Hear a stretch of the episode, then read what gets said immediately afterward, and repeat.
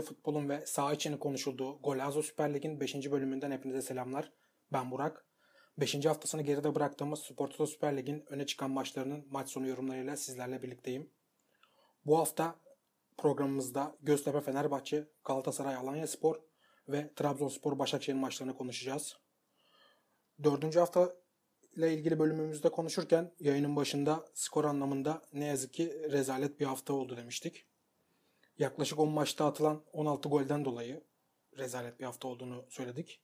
Ama milli maç arasından dönüşteki bu ilk haftada skor anlamında daha iyi bir hafta oldu ve 5. haftada toplam 31 gol izledik.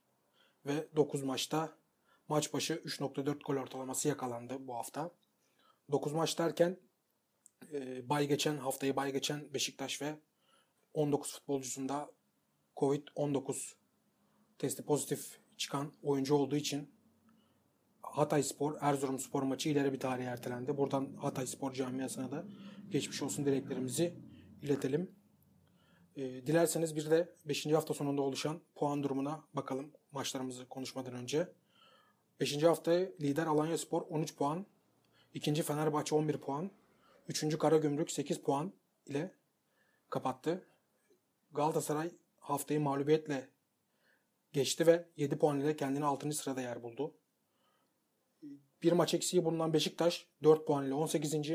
Son şampiyon Başakşehir ise yine 4 puanla 20. sırada kendine yer buldu. Ee, aslında cumartesi anlamında baktığımız zaman yoğun bir hafta ve yoğun bir program bizleri bekliyordu. Ee, neden diyecek olursanız Avrupa'da da bir sürü derbinin olduğu, iyi maçların olduğu, ayrıca ligimizin de devam eden bir takviminden dolayı oynanan maçlardan ötürü yoğun bir haftayı geride bıraktık. Cumartesi 14.30 seansında İngiltere'de Merseyside derbisinde Everton Liverpool karşılaşması vardı. Yine aynı saatte başlayan Old Firm derbisi de Celtic ve Rangers karşı karşıya geldi. 16'da Napoli-Atalanta maçı, 19'da Derbi della Madonnina'da Milano derbisinde Inter ve Milan karşı karşıya geldi. Baktığımız zaman hepsi kağıt üstlerinde keyifli ve e, izlemek açısından seyirciyi cezbeden maçlardı. Açıkçası ben cumartesi günü maç izlemeye başlarken 14.30'daki Merseyside derbisiyle başlayacaktım ama ligimizde 13.30 seansında Rize Spor Ankara gücü maçı beni orada cezbetti ve e, maç izlemeye cumartesi günü o maçla başladım. E, maça baktığımda 16. dakikada 2-0 geriye düşen bir Ankara e, bir Rize Spor vardı. Daha sonra tekrar baktığımda skor 53. dakikada 3-3 ile eşitliği yakaladı Rize Spor. Ondan sonra maçı merak edip ben de Rize maçını açtım. 62. dakikada Rize 4-3 öne geçti ve maçı da 5-3 kazandı. 22 hafta aradan sonra bir maçta Süper Lig'de bir maçta 8 golün izlendiğini gördük ve geçen hafta kısır geçen ligden sonra bu hafta bu 8 gol bize ligin açılışında ilaç gibi geldi. Rize Spor'da Loic Remy hat vardı.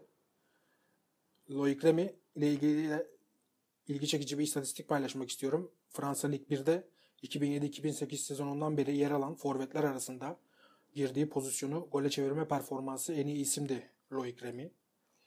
Ve Rize Spor'da da son 3 maçta 4 gol atarak ayrıca bu maçta da hat-trick yaparak Süper Lig'de ilk hat-trick'ini yapmış oldu ve Remy merhaba dedi biz futbol severlere. Ayrıca onun haricinde değişik saha içi olaylarının da olduğu maçlar yer aldı Süper Lig'de. Özellikle Gaziantep maçında 4 kırmızı kart ve yeni transfer Kevin Mirallas'ın oyuna girdikten 2 dakika sonra içinde ikinci sarı karttan kırmızı kartla oyunda atılması lige Mirallas'ın çabuk adapte olduğunu ve burada burası Süper Lig, burada yaşanan her şeyin gerçek olduğunu bizlere gösterdi. Bu arada Mirallas'ın açıklanmasıyla ilgili de transferinin açıklanmasıyla ilgili de değişik bir e, detay aktarmak istiyorum. Gaziantep FK Everton'dan takım arkadaşı Morgan Schneiderlin'in fotoğrafını koyarak bir yanlışlık yapıyor. Onun da fotoğrafını koyarak açıklıyor Mirallas transferini. Adam zaten orada ilk başta bir şeyi görüyor. Tuhaflığı görüyor. Dedik nereye geldi falan demiştir yüksek ihtimal. Sonra adamı tesislerde eline bir tepsi baklava veriyorlar. O gün de doğum günüydü Mirallas'ın. İyi ki doğdun yazıyor işte. E tabi oyuncu da herhalde şaşırmış olacak ki Süper Lig'e çabuk adapte oldu ve ilk maçında 2 dakika içinde 2 sarı karttan oyun dışı kaldı. Konuşmaya başlayacağım. İlk maçta Fenerbahçe Göztepe deplasmanında 3 puanla döndü. Fenerbahçe için milli aradan sonraki dönüşte iyi bir başlangıç oldu diyebiliriz. Fenerbahçe maçına başlarken ilk yarıda oyuna hızlı başlayan bir Fenerbahçe vardı. Daha ilk dakikada Nazım'ın hemen sonrasında ise Caner'in ortası ile iki kenar oyuncusuyla bekiyle pozisyon yakaladı Fenerbahçe. Onun haricinde ön alanda doğru baskı uygulayan bir Fenerbahçe gördük.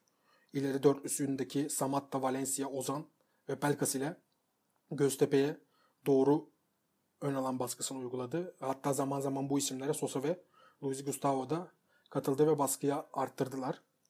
E tabi Fenerbahçe ön alan baskısını gösterince Göztepe'nin de geriden oyun kurmasını bir nevi engelledi ve Göztepe uzun oynamaya mecbur etti. Uzun oynamaya mecbur etince de haliyle pas hataları e, peşi sıra geldi.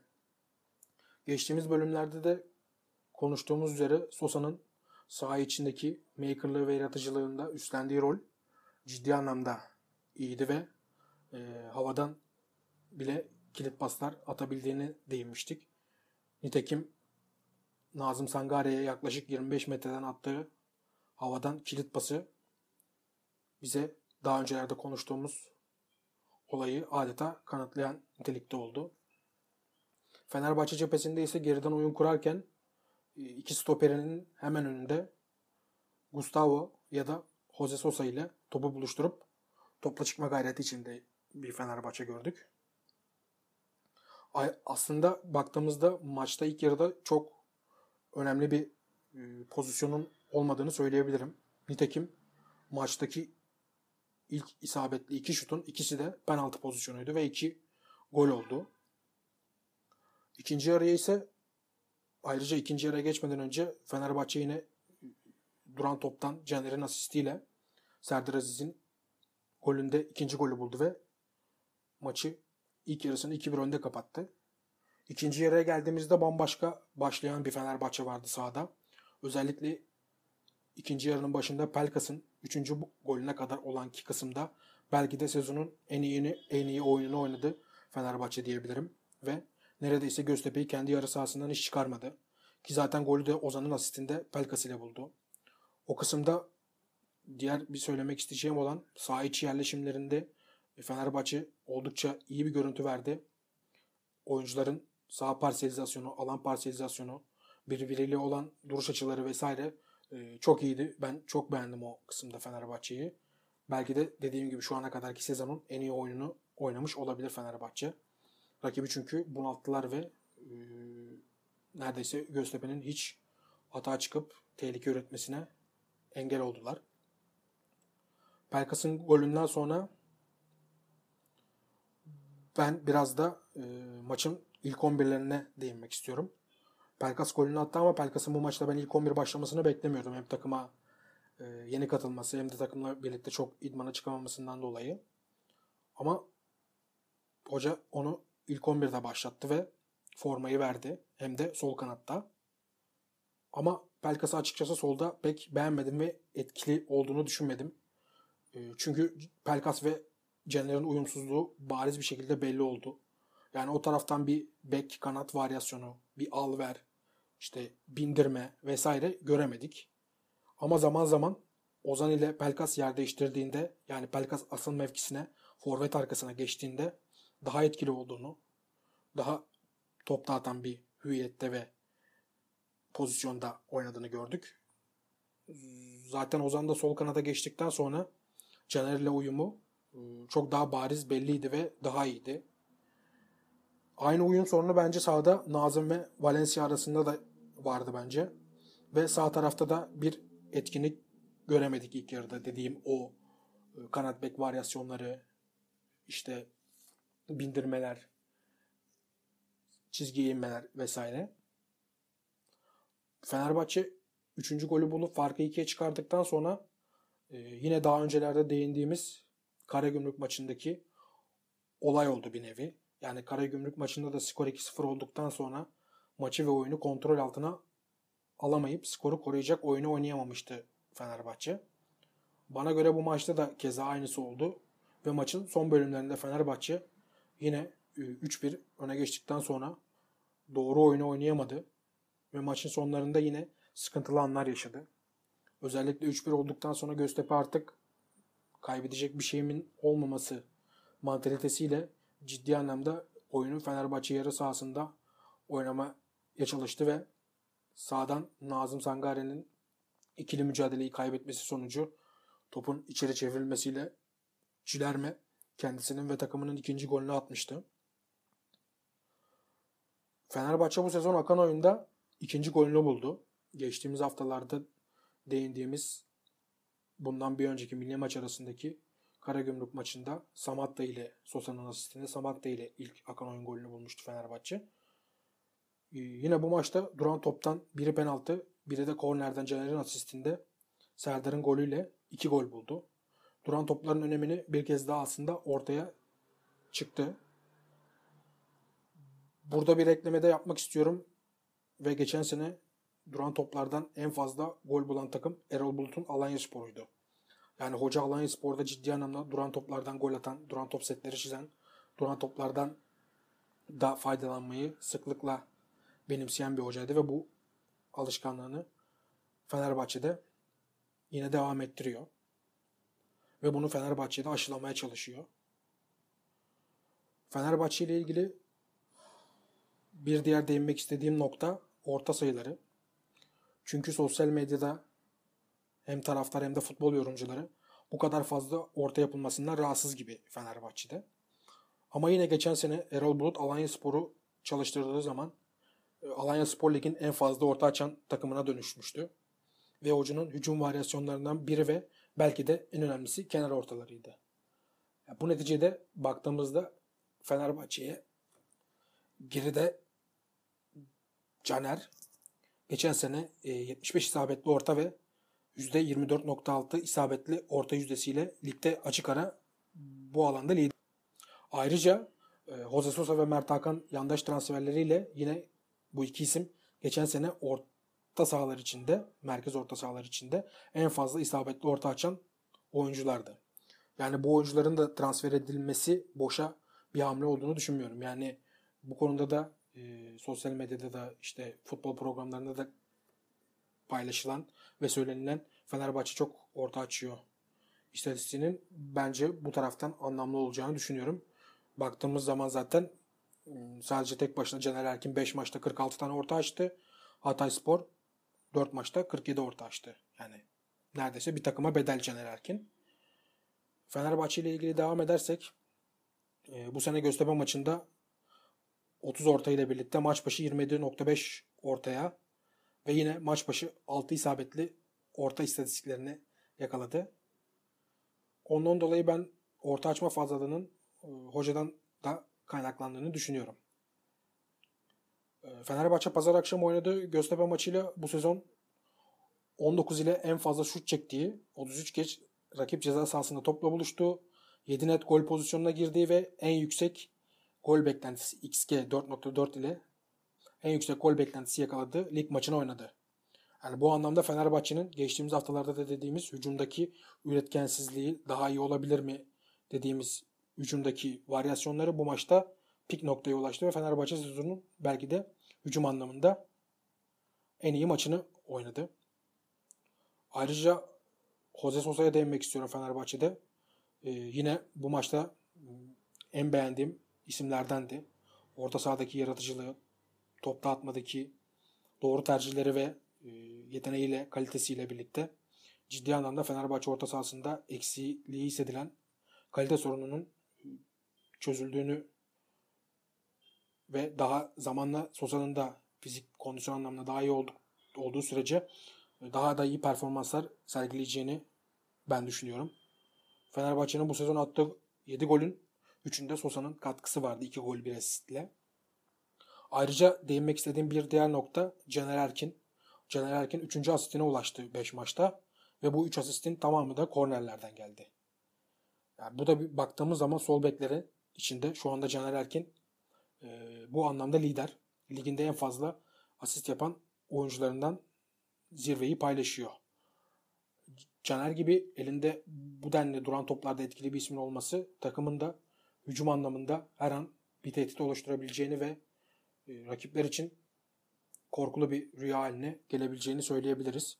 Yani Caner'i ıı, defansif anlamda ne kadar aksıyorsa, ne kadar zaafları var diyorsak ama yaptığı bu tarz asist katkılarıyla, gol katkılarıyla o defanstaki aksiyen, zaman zaman aksiyen yönlerini tolere edebiliyor ve biraz önce de dediğim gibi kadroda Caner Erkin gibi bir duran topta ayağının iyi olduğu e, oyuncu bulunması her zaman daha iyi. Geçen sene zaten 75 isabetli orta ile ligin açık ara en fazla isabetli orta yapan oyuncusuydu. E, Nazım Sangare'nin ilk maçına çıktı. Nazım Sangare ilk maçında e, hücum anlamında ve ileri topla driplinglerinde ve sıfıra kadar çizgiye inme becerisinde iyi sinyaller verdi bana göre. Ama bunun aksine e, savunmada bence Fenerbahçe Gökhan'ı aradı diye düşünüyorum.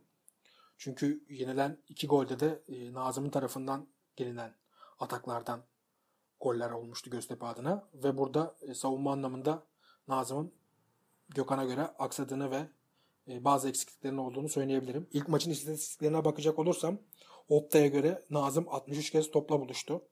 Bu topların %84.2'sinde isabetli pas yüzdesi elde etti. Rakip ceza sahasında 4, 4 kez topla buluştu. 4 tane ikili mücadele kazandı. 6 sahipsiz top kazandı ve 2 tane de başarılı çalımı var Nazım Sangare'nin. Son olarak ise şunu söylemek istiyorum. Ve pazar günü oynanan Göztepe maçına baktığımızda Fenerbahçe'de süre alan 15 oyuncunun 10'u yeni transferdi. Oyun belki çok tatmin etmiyor olabilir hala Fenerbahçeli taraftarları ama bu yeni oyuncu grubunun da göz önünde bulundurmak lazım diye düşünüyorum.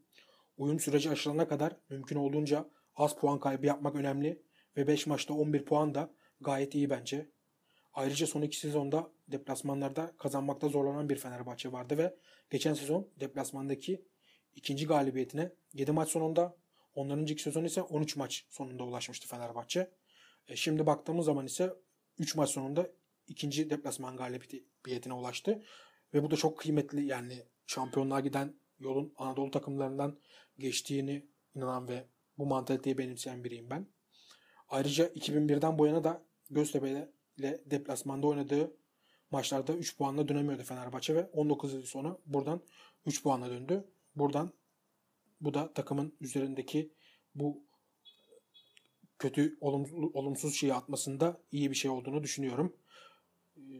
Dilerseniz sıradaki karşılaşmamız Galatasaray Alanya maçıyla devam. Galatasaray e, milli arada Kasımpaşa mağlubiyetiyle girmişti ve burada milli aradaki o sürenin Galatasaray'a iyi gelebileceğini düşünüyordum açıkçası. Yani teknik ve taktik anlamda takımda bazı değişikliklerin olmasını bekliyordum. Nitekim de aslında Alanya maçına baktığımız zaman öyle de oldu diyebiliriz. Çünkü ilk 11'e baktığımızda e, Fatih Terim, Feguli ve Belhanda'nın ayrıca Arda Turan'ın bu hafta ilk 11'de e, başlatmadığını gördük. Ve Galatasaray bu hafta önceki haftalarda görmeye alışık olduğumuz 4-1-4-1 dizilişinden vazgeçip 4-2-3-1'e dönmüş gibi geldi bana. Sağda Emre Kılınç, forvet arkası Emre Akbaba, solda Babel'i gördük. Falcao forvetteydi. Bunların hemen arkasında ise Taylan ve Etobo yer aldı. Açıkçası maçı değerlendirmeye başlamadan önce Emre Akbaba tercihini pek anlayamadım. Ee, ve bu konuda hocayı eleştirmek istiyorum. Yani bu kadar uzun diyebileceğimiz bir süre boy sürede sakatlıktan yeni çıkmış bir ismin direkt ilk 11'de sahaya sürülmesini e, ben yanlış ve beklenmedik buluyorum. Yani en azından oyuna sonradan girmesini beklerdim. Ondan dolayı ilk eleştirim e, bu Galatasaray'a ayrıca Fatih Terim'e. Buna karşı Alanya Spor maç önü Çağdaş Atan'ın da açıklamalarında 4-5 ofansif oyuncuyla sahaya çıktığını ve 3 ayrı oyun planının olduğunu söylemişti.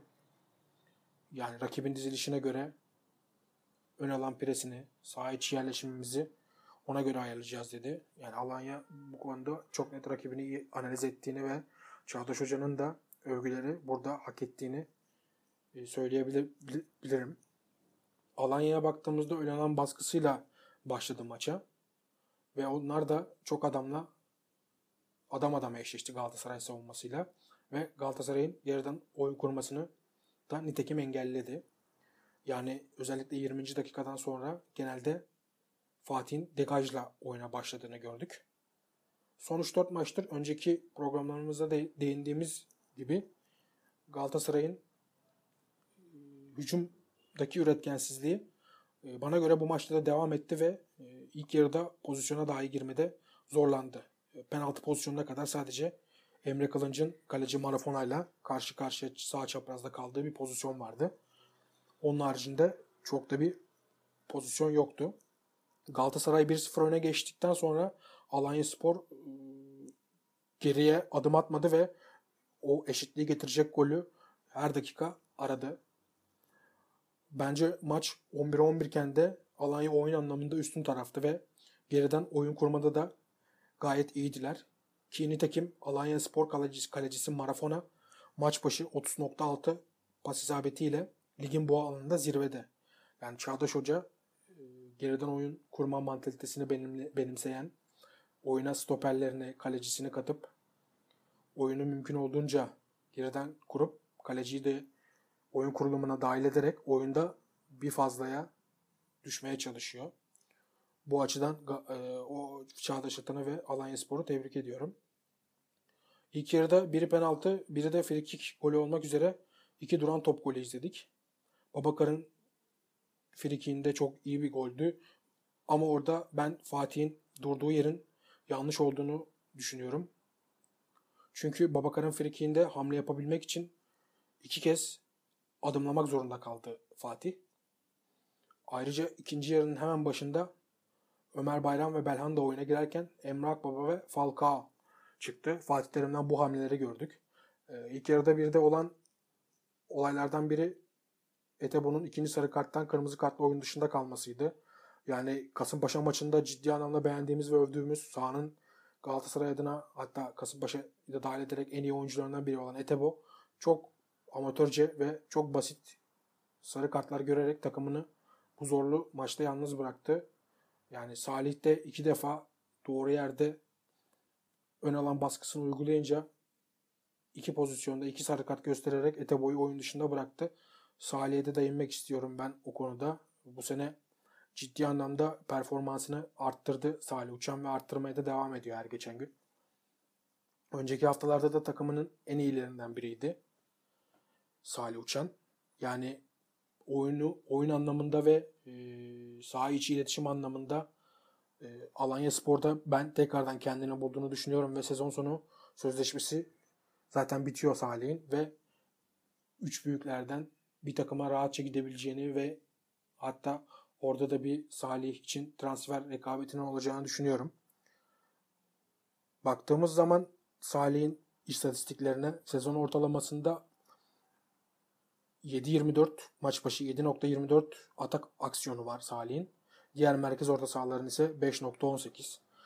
Bu 7.24 atak aksiyonlarının 3.46'sı başarılı. Diğer merkez orta sahalarda bu sayı 2.34. Salih Uçan maç başı 2.2 dribling atıyor. Diğer merkez orta sahalar 2.36. Salih'in 1.57 başarılı driblingi varken diğer merkez orta sahaların 1.49. Rakip 3. bölgeye yapılan başarılı paslarda maç başı 6.29 pas atarken Salih Uçan diğer merkez orta sahalar 4.53 başarılı pas ile oynadı. Başarılı pas arasında 0.94 ortalamayla oynarken diğer merkez orta sahalar 0.25 oyunu ile oynadı. Ortalara geldiğimizde e, maç başı 2.2 orta açarken Salih Uçan diğer merkez orta sahalar 1.01 ile oynadı. Yani Salih'in şu ana kadar oynadığı yani ligimizde oynanan diğer merkez orta sahalara çoğu hücum ve defansif metriklerde onların önünde olduğunu söyleyebilirim. Ayrıca Alanya Spor'la ilgili devam eder et, ed, edince geride kalan 4 ıı, haftada 90 dakika başına en fazla başarılı uzun top yapan takım 28.5 ile Alanya Spor oldu. Yine 90 dakika başına en fazla isabetli şut çeken oyuncu maç başı 3.63 ile Alanya Spor'dan Adam Barreiro'ydu. İkinci sırada da 2.11 ile Davidson yer aldı. Yine Davidson demişken Alanya Spor'a yeni transferi Davidson e, ciddi anlamda bu sene transfer olduğu zamanda da yazmıştım. E, sene sonu dört büyükleri peşinden koşturulabilecek Alanya'nın kapısını aşındırabilecek bir isim olduğunu ve gayet başarılı bir transfer olduğunu söylemiştim. Nitekim 5 maçta 5 gol 1 asistle oynuyor Davidson. Ayrıca e, Galatasaray 10 kişi kalmasına rağmen maçta devam edecek olursam 10 kişi kalmasına rağmen ilk yarıdan daha iyi bir performans ortaya koyduğunu söyleyebilirim. Yani 11'e 10 olmasına rağmen ezilmedi ve hatta 11'e 11 iken bulduğundan daha fazla sayıda fırsat buldu oyun anlamında. Ama seyircisiz oynanan bu maçta Galatasaray'ın büyük bir darbe yediğini söyleyebilirim. Nitekim seyircisiz iç saha maçlarında Galatasaray 2 galibiyet, 3 beraberlik ve 2 mağlubiyet ile ayrıldı. Ayrıca kaleci Muslera'nın da hala devam eden sakatlığından dolayı yani taraftar ve Muslera'nın Galatasaray'ın yani %50'si %60'ını oluşturduğunu söyleyebilirim. Maçın ortasına kadar olan yani maçın ortasından başından sonuna kadar olan bölümde Galatasaray'ı yani çok da kötü diyemem ama özellikle maçın sonunu ciddi anlamda çok kötü oynadığını düşünüyorum Galatasaray'ın. Ee, ve 88 ile 93. dakika arasında geçen yaklaşık 5 dakikalık sürede Galatasaray'ın tek bir isabetli pası bile yok. Yani bu seviyede daha önce böyle benzer bir istatistik gördüğümü hatırlamıyorum açıkçası ve e, ciddi anlamda skandal olduğunu düşünüyorum. Ayrıca 2014-2015 sezonunda kalesinde 23 şut gördüğü Trabzon maçından sonra ilk defa kendi sahasında bir maçta rakipten az şut attı Galatasaray. Bu maçta Alanya'nın 22 şutu vardı. Bu maçla birlikte Galatasaray'ın öne geçip puan kaybettiği son 7 Süper Lig maçının 6'sında 85. dakikalardan sonra gol yediğini görüyoruz. Yani oyun sonlarını Galatasaray'ın e, iyi oynayamadığına ulaşabiliriz aslında. Yani nitekim diğer maçlarda da buna, bu ve buna benzer hatalar yapması, maç sonundaki e, basit goller yemesi ciddi puan kayıplarını gözler önüne serdi Galatasaray için. Galatasaray'da en beğendiğim oyuncu ise e, şüphesiz Luyendama'ydı bence. Luyendama'nın istatistikleri Opta'ya göre 10 ikili mücadele kazanma, 4 pas arası, 5 sahipsiz top kazanma ve 7 uzaklaştırma vardı. E, Galatasaray ile ilgili de, e, demek istediğim bir diğer nokta ise e, neredeyse maç e, 100 artı dakikalık bir sürede oynandı ve sadece 7 şut çekebildi Galatasaray. 1.3 XG'si vardı maç sonuna baktığımızda ve bunun 0.8'i penaltıdan. Yani bunu çıkarttığımızda Galatasaray'ın 0.5 XG'si kalıyor geriye ve ciddi anlamda e, hücumda üretkensizliğini bir kez daha gözler önüne serdi. Alanya Spor'un ise 22 şutta 1.5 XG üretmesi kötü şut seçimini gösteriyor bize. Ki XG'lere göre maçın hakkı bence beraberlikti. Zaten son anlarda gelen gol olmasa maç e, yüksek ihtimal berabere bitecekti. Galatasaray'ın e, son dakikalarda yediği golde de değinmek istediğim hmm, tekniksel açıdan yanlışı da e, söylemek istiyorum. Orada duran topta içeri çevrilen topun Davidson'un ayağına gelip gol olması kesinlikle Marcao'nun hatası. Neden diyecek olursanız e, Marka top dışarı açıldığı zaman kendi bölgesini bırakıp topa doğru birlikte hamle yapıyor. Belanda ile ikisi birlikte topa doğru koşuyor. Marka e, ceza sahası kendi bölgesinin dışına çıktığı zaman orada e, sayısal anlamda 3'e 2'lik bir Alanya Spor üstünlüğü vardı. Yani Marka o pozisyonda o dakikada kendi alanını terk etmesi bence orada gol gelmeyebilirdi.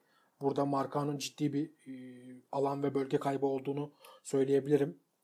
Ayrıca Alanya Spor'un e, ilk 5 hafta performansına baktığımızda e, 40 isabetli şut, 135 rakip ceza sahasında topla buluşma, 17 net gol pozisyonu ve 11.45 XG yaratmayla bu konuda ligde bu alanlarda lider. Böyle olur, hal böyle olunca da hem Çağdaş Atan'ın hem de Alanya Spor'un hakkını ciddi anlamda vermemiz gerektiğini düşünüyorum ve daha fazla övgüyü hak eden bir takım olduğunu düşünüyorum Alanya Spor'un. Ee, geçen sene Erol Bulut'tan e, iyi bir takım devralan Çağdaş Atan kendince de üzerine eklemeler yaparak e, Alanya Spor'u ligde şu anda lider konumunda bulunduruyor.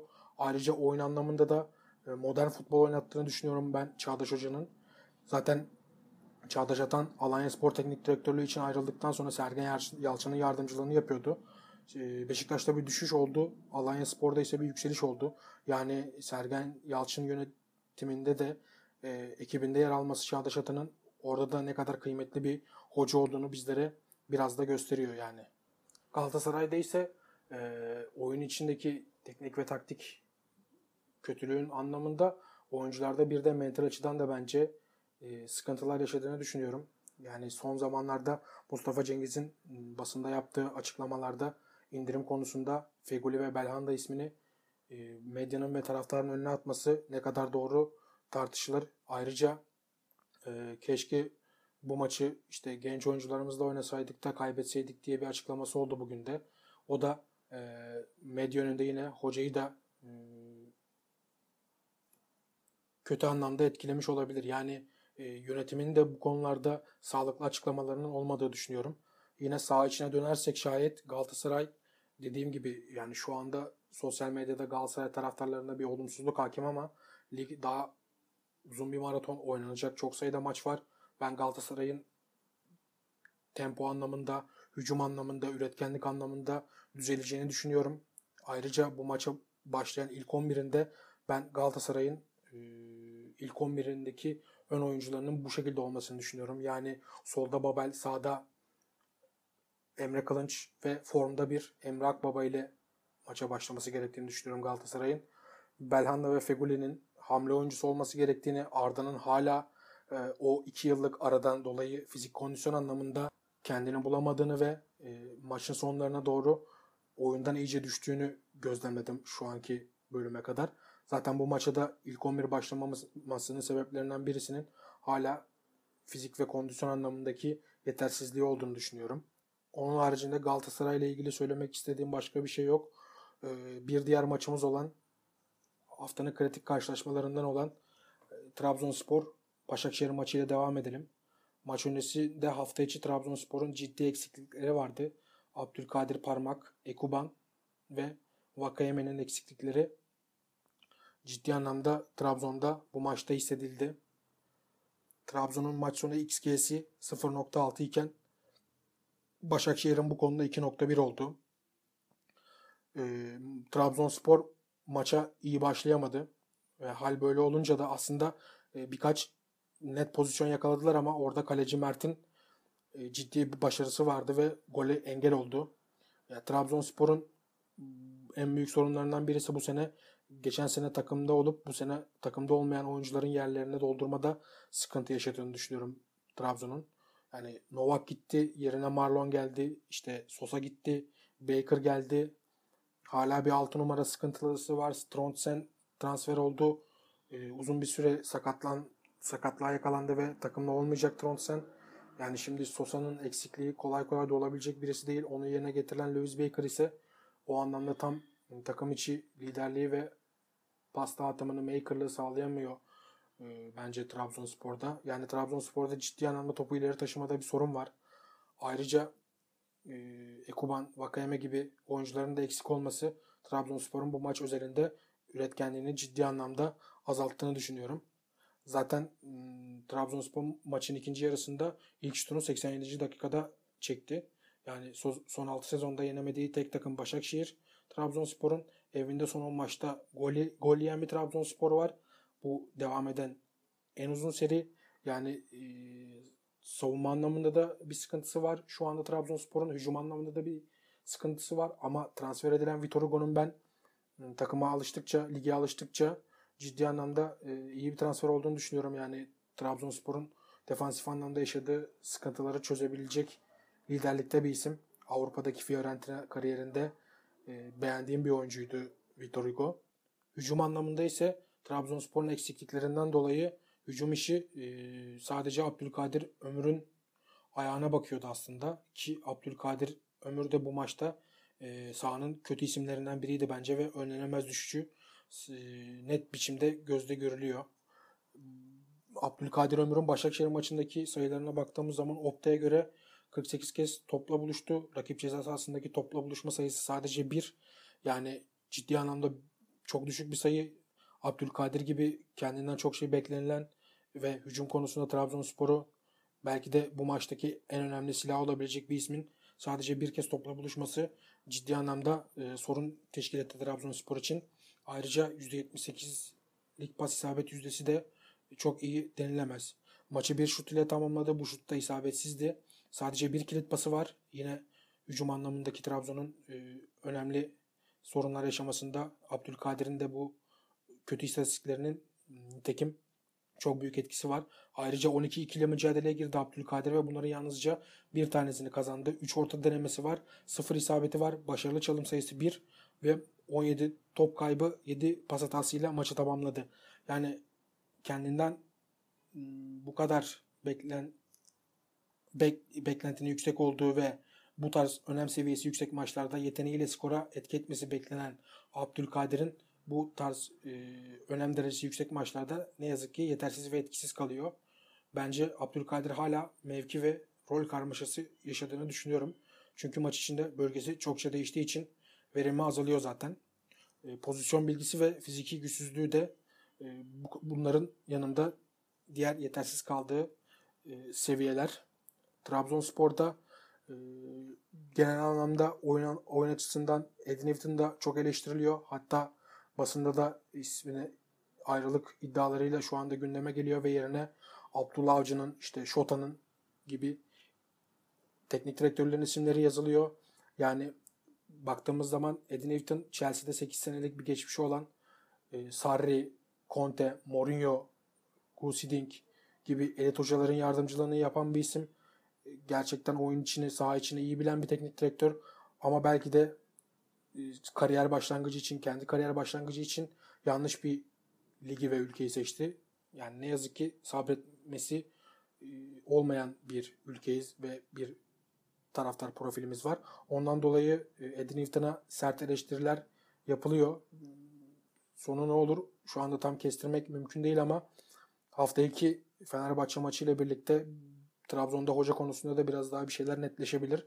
Trabzon'la ilgili e, demek istediklerime devam edersem e, oyunu topta buluştukları yerlerden yani merkez orta sahadan e, hücuma taşımada ciddi anlamda sıkıntılar yaşıyor. Louis Baker bu konuda e, kendisinden beklenen makerlığı ve e, oyun kurma, pasta atma gibi meziyetleri e, yerine getiremiyor. Tabi bunda Başakşehir'in de etkisi oldu bu maçta. Başakşehir'e geldiğimizde ise e, nihayet 3 puanla tanıştı son şampiyon Başakşehir. Ondan önceki haftalarda galibiyeti yoktu ve son milli maç arasından önce berabere kalarak ilk puanını almıştı. Ayrıca ilk golünü 402 dakikadan sonra buldu Medipol Başakşehir İrfan Can'ın golüyle. İrfan Can'ın golü bence iyi bir goldü. Topu kapıp sırtında adamla dribling edip daha sonra şutu çekip iki savunmanın birbirine girmesi sonucu önünün boş kalmasıyla sol ayağıyla Uğurcan'ın uzanamayacağı bir yere iyi bir gol attı İrfan Can. Diğer gol Edin Vişka'dan geldi. Edin Vişka da ciddi anlamda iyi bir gol attığını düşünüyorum. Ayrıca e, Medipol Başakşehir'in kadrosuna baktığımızda da e, bazı değişikliklerin olduğunu gördük bu maçta. E, milli takımlardan dönen Mahmut'un yerine Mehmet Topal tercihi vardı Okan Hoca'nın. Ayrıca Rafael'i orta sahada denedi Okan Buruk ve Rafael'le ilgili de e, kariyerindeki 265 maçlık serüvende ilk kez orta sahada oynadı e, Rafael. Bir sağ iç gibiydi. Yani rakibin orta sahadaki ve merkezde olan eksiklikleri nedeniyle bu tercih olumsuz yansımadı. Ama bence Rafael'in meziyetleri orta sahayı elde tutmak için yetersiz. Ama kattığı enerji o birçok eksiği de torpilediğini düşünüyorum. Başakşehir bu maçta ise geçen seneden aslında alışık olduğumuz standartlarındaki bir oyun oynadı. Yani çok iyi bir oyun oynamadığını, oynadığını söyleyemeyiz ama yani rakibe göre iyi önlemler alıp e, geçen seneki oyununa yakın bir oyun oynayınca bu maçta 3 puanla ayrılmasını bildiler.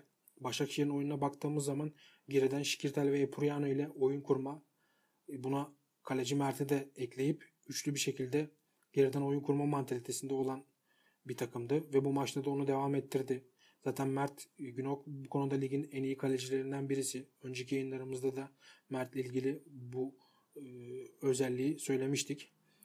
Ayrıca Junior Çayışara ve e, Edin Vişka uyumu her geçen gün daha da artmakta ve o e, gördüğümüz, beklediğimiz, bildiğimiz Vişka Kayseri uyumu bu maçta kendini gösterdi. Yani Kayseri'nin sağdan etkili bindirmeleri oldu. E, sıfıra inmeleri, çizgiye inmeleri e, diğer haftalara göre daha iyiydi bu maçta.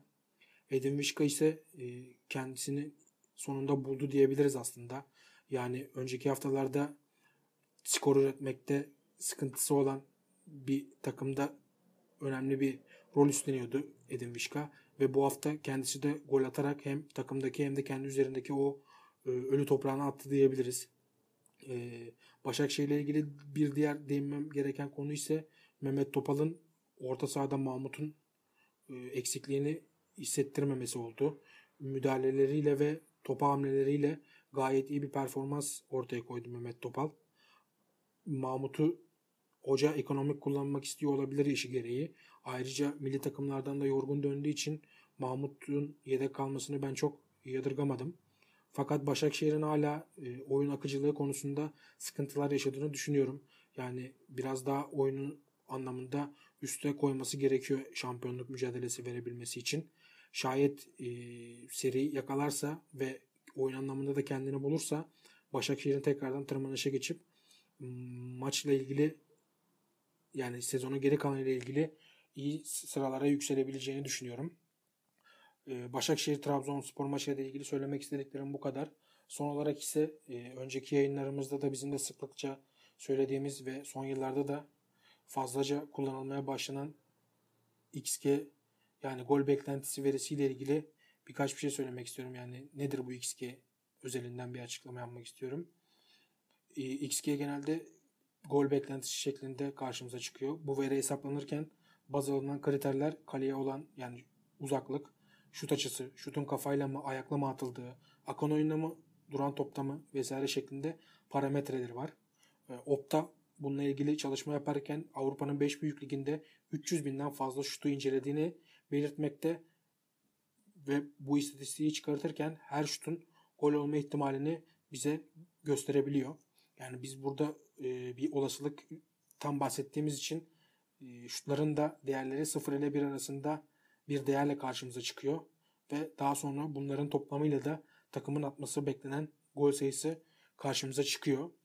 Yani örneğin bu maçta Başakşehir'in gol beklentisi 2.1 ise yani maçı da Başakşehir 2 civarında yani 2 golle bitirdi. XG ile Başakşehir'in hmm, gol attığı gol sayısının burada e, çok iyi bir tutarlılık sergilediğini örtüştüğünü görebiliyoruz. Yani XG burada bize takım ve oyuncu performansı analiz etmek için de oldukça güzel bir e, veri sunuyor. E, bununla ilgili de bir takım performans örneği vermem gerekirse e, 2015-2016 sezonunda Juventus ilk 10 maçında sadece 3 galibiyet alıyor. Ancak XG'leri oldukça yüksekti o sezon. Fakat yakaladıkları şansları değerlendiremedikleri için e, aynı yük, bunu sonuca yansıtamayıp e, ligin ilk haftalarında daha aşağı sıralarda kendine yer bulmuştu. Ama aynı yüksek XG ile devam ederek sadece bir mağlubiyet ve bir beraberlik alarak e, o sezonu şampiyon tamamlamıştı Juventus. Keza e, Başakşehir'de ligin en iyi ilk iki XG'sinden birine sahip bu sezon ama sonlarda yer alıyor. Şayet Başakşehir bu XG performansını devam ettirirse e, eninde sonunda bir seri yakalayıp e, daha yukarılara onu görebileceğimizi ben düşünüyorum. XG'yi de böyle ligle açıkladıktan sonra yavaş yavaş bu bölümün sonuna gelelim. Golazo'nun 5. bölümünü dinlediğiniz için hepinize teşekkürler. Mutlu günler dilerim. Hoşçakalın.